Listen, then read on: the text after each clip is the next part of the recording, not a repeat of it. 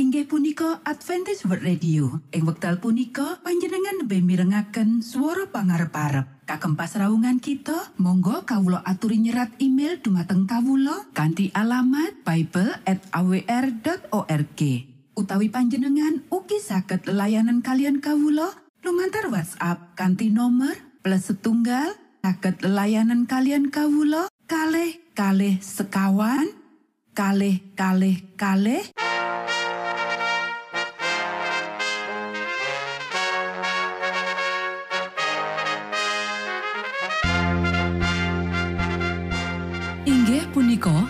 Adventist World Radio ingkang giaran kanti basa Jawi. Tentrem Rahayu kula aturaken kagem para mitra kinasih ing pundi papan lan panggonan. Sugeng pepanggian malih kalian Adventist World Radio.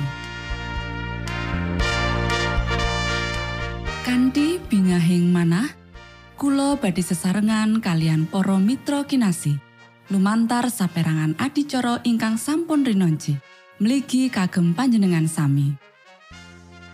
Mugi giaran punika saged migunani tuen dados berkah kagem kita sedoyo. Sugeng midhangetaken Gusti amberkahi.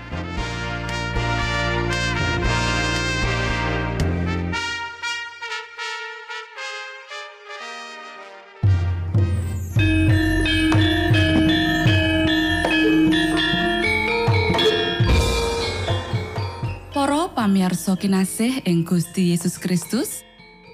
Ing wekdal punika, kita badhe sesarengan ing adicara ruang kesehatan. Ingkang saestu migunani kagem panjenengan saha kita sami.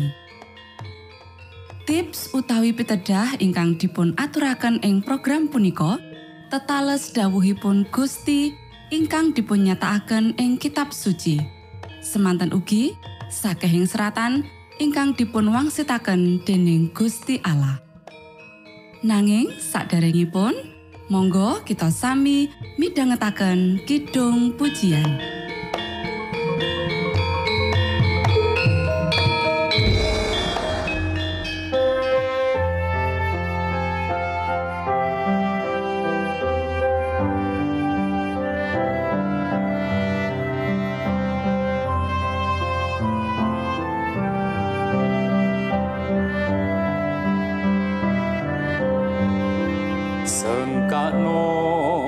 Gusti pranyata tumrap kang wis meh mati lan tumrap kang ngelak samyo kapringan tirta sakti.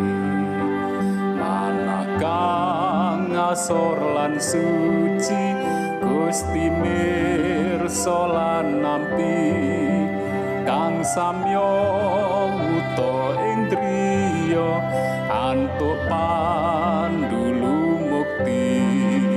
Sengkakno asmeng pamarto ing ajeng ing projalmi sinupre mratobat samyo dados wargane Gusti. Sengkakno Gusti pranyata. juru wilujeng jalmi mreh Gusti kapinanggih tumrap ingkang matosi kata tiang sekeng sami mupati mreh basuki kanging sami marek mring Gusti sengkakno asmeng pamarto ing ajeng ing projalmi. Sinupre mratobat samyo dados wargane Gusti. Sengkakno lan winartano putreng Allah kang suci Gusti panebus manungsa tan wonten kang ngandhi sampun rujatu sojalmi dekorban nyokang ati saoso puji gustinyo juru wilujeng jati. Sengkakno asmeng pamarto ing ajenging projalmi. Sinupre mratobat samyo dados wargane Gusti.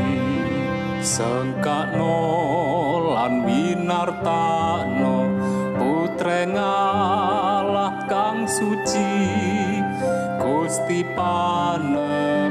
panebus manungso tan wonten kang nandini sampun rujatu sojalmi dikurban kang ati saoso puji Gustinyo juru wilujeng jati. Sengkakno asmeng pamarto ing ajenging projalmi sinupre mratobat samyo dados wargane Gusti.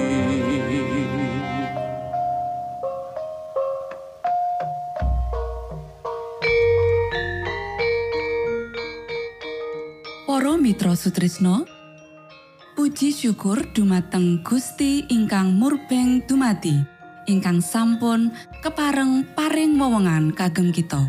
Satemah saged nglajengaken ruang kesehatan. Pirembakan kita semangke kanthi irah-irahan. Panganan lan karohanen.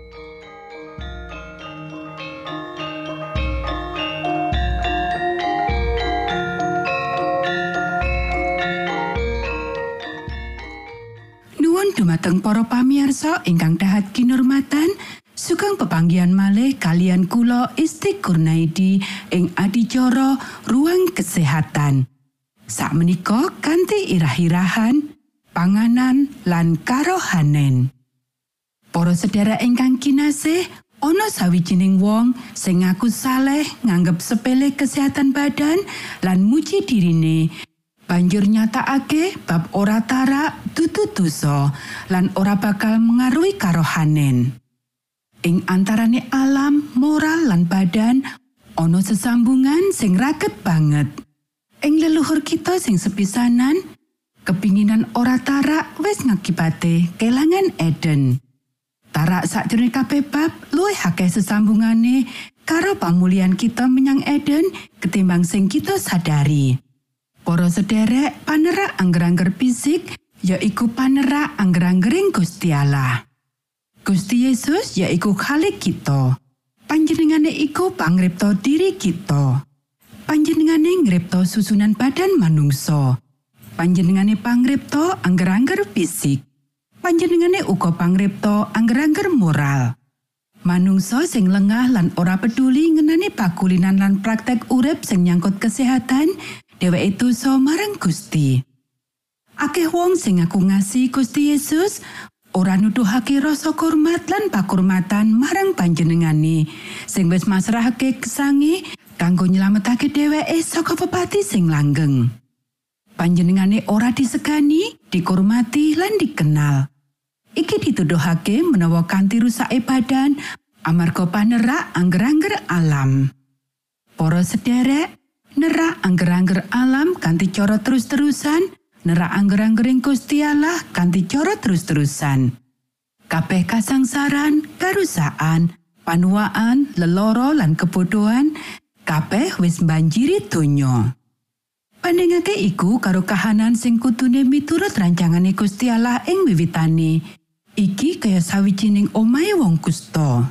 Keturunan sing saiki ringkes sakjroning otak, moral lan kuasa badan. Kabeh kasangsaran iki wis muput saka keturunan marang keturunan amarga manungsa dosa nerak angger-anggering Gusti Allah. Dosa paling gedhe ditindakake lumantar pemanjaan selera sing wis rusak. Para sederek, pemanjaan sing kebangetan, becik sakjroning bab mangan, ngombe lan turu utawa nonton ya iku dosa. Oba kuasane badan lan pikiran sehat sing seimbang bakal nggawa kabagian. Saya didurake lan dimurnekake kuasa iku sancaya murni lan asli kabagiane. Para sederek, saka kabeh cacat kasangsaran sing nyiksa umat menungso, Sabagian gede diakibatake dening pakulinan-pakulinan sing salah.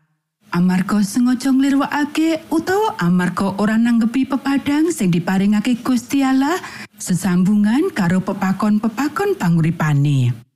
Yaiku ora mungkin kanggo kita kluhurake Gusti Allah sawetara isih nerak angger-anggering panguripan. Kita ora mungkin bisa nahanake pengabdian marang Gusti Allah sawetara nepsu selera dimanjakake. Badan sing loro lan intelek sing kacau ngelang-ngelangi pengabdian jiwa raga amarga pamanjaan nafsu sing terus-terusan. Rasul Paulus memahami pentingnya kahanan badan sing sehat kanggo panyempurnane tabiat tumating Gusti. Piyambake ngendika, nanging aku nglatih badanku lan nguasani sakabehe supaya sakwise martakake Injil marang wong liya ojo aku dhewe ditolak. Piyambake nyebutake woh-woh roh suci ing antarane ya iku tarak utawa pengendalian diri. Sapa wae kang dadi kagungane Kristus Yesus, dheweke wis nyalipke daging karo kabeh hawa nepsu lan pepinginane.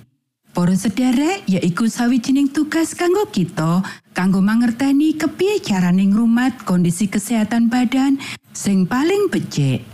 Yaiku sawijining kewajiban mulya kanggo nguripake pepadanging Gusti Allah sing wis diparingake panjenengane kanthi anugerah. Saumpamane kita merem lan ora gelem deleng amarga wedi marang kesalahan-kesalahan kita dhewe sing kita ora gelem buang, dosa kita dudu dikurangi nanging ditambah. Menawa padang iku ditolak sakjroning siji bab, iku ora bakal diajeni sakjroning bab liyane. Dosa iku padha gedene, apa kita nerak angger-angger kesehatan utawa nerak salah siji saka 10 angger-angger. Amarga kita ora bisa nindakake salah siji tanpa nerak angger-anggering Gusti Allah. Matur nuwun, Gusti amberkahi.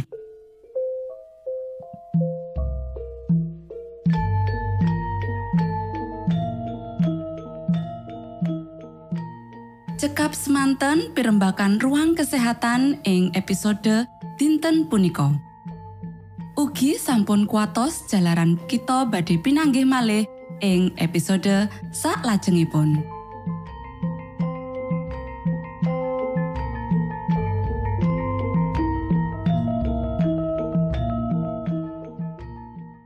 Inggih punika adicara ruang kesehatan. Menawi panjenengan gadah pitakenan utawi ngersakaken katrangan ingkang langkung, monggo kulo aturi. Kinton email dateng alamat ejcawr@ gmail.com utawi lumantar WhatsApp kanti nomor 025 pitu 00 songo songo papat 00 pitu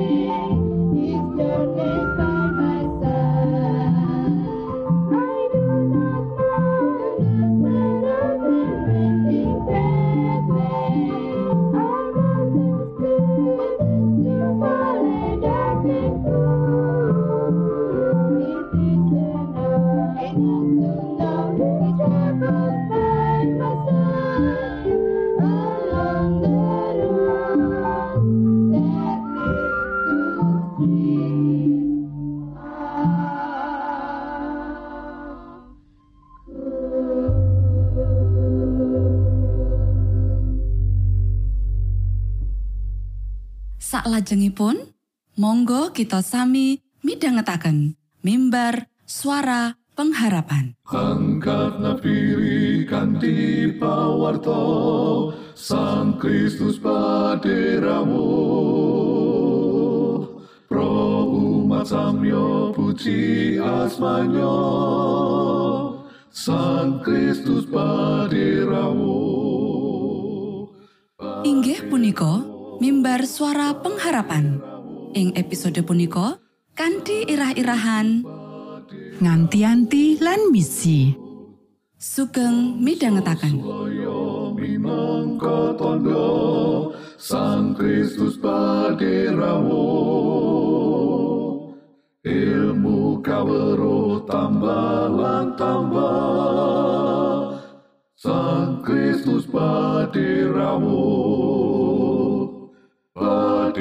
Paderamu Paderamu Sang Kristus paderamu Shalom para pamirsa ingkang kinasih wonten ing Gusti. Sakmenika kita badhe mitangetaken renungan Sabda pangantikanipun Gusti. Ing dinten punika kanthi irah-irahan nganti-anti lan misi.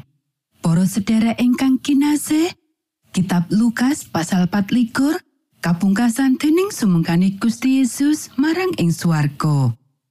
Lukas pasal 24 ayat 50 nganti 53. Sawise mangkono, para sakabate banjur kadhawuhan derek Gusti Yesus menyang ing jaban kutha, menyang ing sacedhake desa Betania. Ana ing kono panjenengane nuli ngangkat astane, para sakabat padha diberkahi.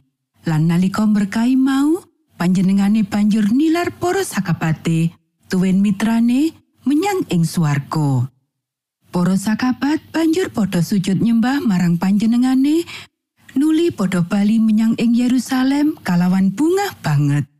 Sarta tansah padha ana ing petaleman suci lan ngluhurake Gusti Allah. Para sederek nanging iki dudu pungkasane saka cerita iku. Panyerat kitab iki, Lukas, banjur nerusake nyerat kitab lelakone para rasul. Nalika sadurunge Gusti Yesus sumengko marang ing swarga, panjenengane maringi marang para murite sawijining misi, janji lan pitedah kang cedha kanggo ngenteni ana ing Yerusalem. Kasekten saka ing ngaluhur. Kita bisa maca ing Lukas pasal 24 ayat petang puluh songo, uga bisa diwaca ing lelakone para rasul pasal siji ayat papat nganti wolu. Gusti Yesus paring dawuh marang para murite kanggo ngenteni ing kutha Yerusalem nganti panjenengane maringake apa kang wis kaprasetyakake kanggo ngirimake janji saka Sang Rama yaiku Sang Roh Suci kang bakal njangkepi para murid kuwi kanthi kuwasa kanggo paring paseksen ana ing Yerusalem, Yudea, Samaria lan ing salumahing bumi. Para sederek, Gusti Yesus wis maringi sawijining misi kang cetha marang para murite. Para murid iki kudu dadi seksine marang jagat iki. Mula sawetara ngenteni, wong iki padha nyapake misi iki kanthi loro cara. Kapisan, Lukas ngendika menawa para murid iki terus nyawiji ing sajroning pandonga lan panjuwunan. Ora ana pitakonan maneh ing sajroning pikirane bab misi kang kaparingake dening Gusti Yesus lan wong-wong iki uga tumemen oleh nampa. Babagan iki uga ngilhami para murid nyawiji ing pandonga. Lukas ora ngandhakake apa kang nembe ditongakake. Nanging gedhe kemungkinan wong-wong iki nyenyuwun sajroning pandongane supaya kaparingan kawicaksanan, kekuatan lan tatak supaya bisa nglaksanakake misi iku bebarengan. Satunggal tulodo kang apik kanggo kita. Kang kapindo, sawetara sinambi ngenteni, para murid uga nyawisake uporampe kanggo misi kuwi. Yudas, murid kang ngulungake Gusti Yesus, sabanjure slirane mati kendhat. Iki ndadekake kelowongan ing antarane rolas murid kuwi. Mulane nalika para murid sinambi ngenteni, padha nyuwun tuntunan ing Gusti Allah lan milih penggantine. Kang dadi akibate para murid iki ngumulungake awake dhewe lan ngerancang kepiye miwiti misi kuwi. Sakjroning mutusi bab iku, Petrus nduweni dapukan mimpin. Ora ana kang nentang marang tumindake.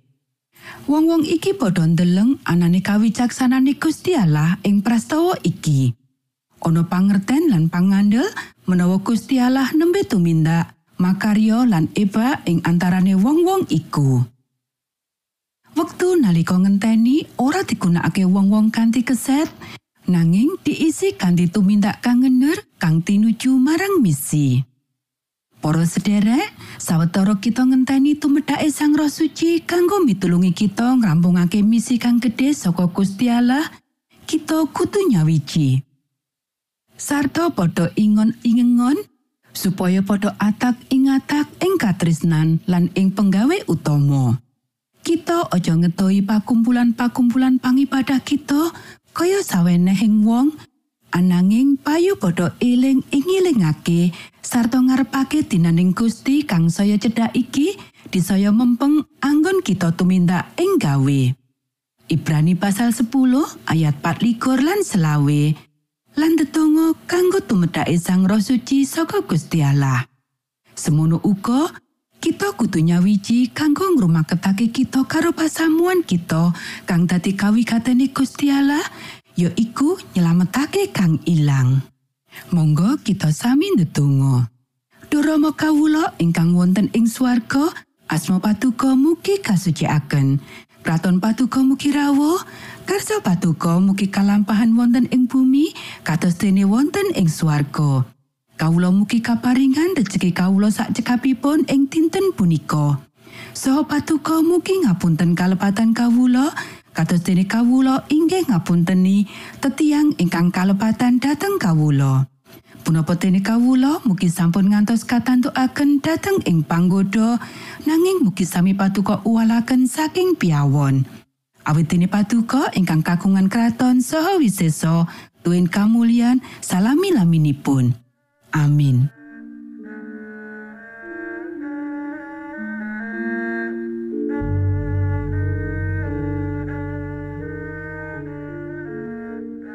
Para Mitra Sutrisno pamiarsa kinasih ing Gusti Yesus Kristus sampun paripurno pasamuan kita ing dinten punika. Menawi panjenengan gadah pitakenan utawi ngersakaken seri pelajaran Alkitab suara nubuatan Monggo Kulo aturi kintun email dateng alamat ejcawr gmail.com utawi lumantar WhatsApp kanti nomor 025 pitu 00 songo songo papat 00 pitu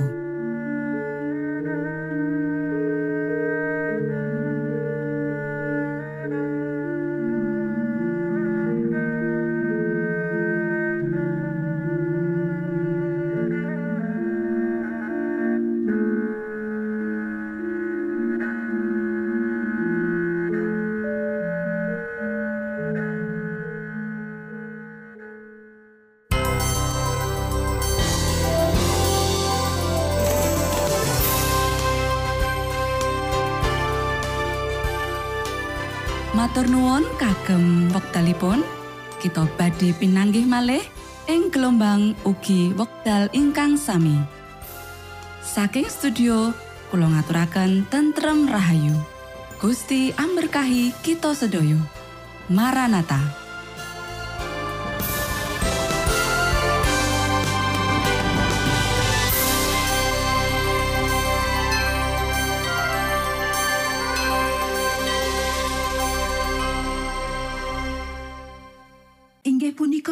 Adventist World Radio. Ing wekdal punika panjenengan lebih mirengaken swara pangarep-arep. Kagem pasraungan kita, monggo kawula aturi nyerat email dumateng kawula kanthi alamat bible@awr.org. Utawi panjenengan ugi saged layanan kalian kawula lumantar WhatsApp kanthi nomor plus setunggal saged layanan kalian kawula kalih kalih sekawan kalih kalih kalih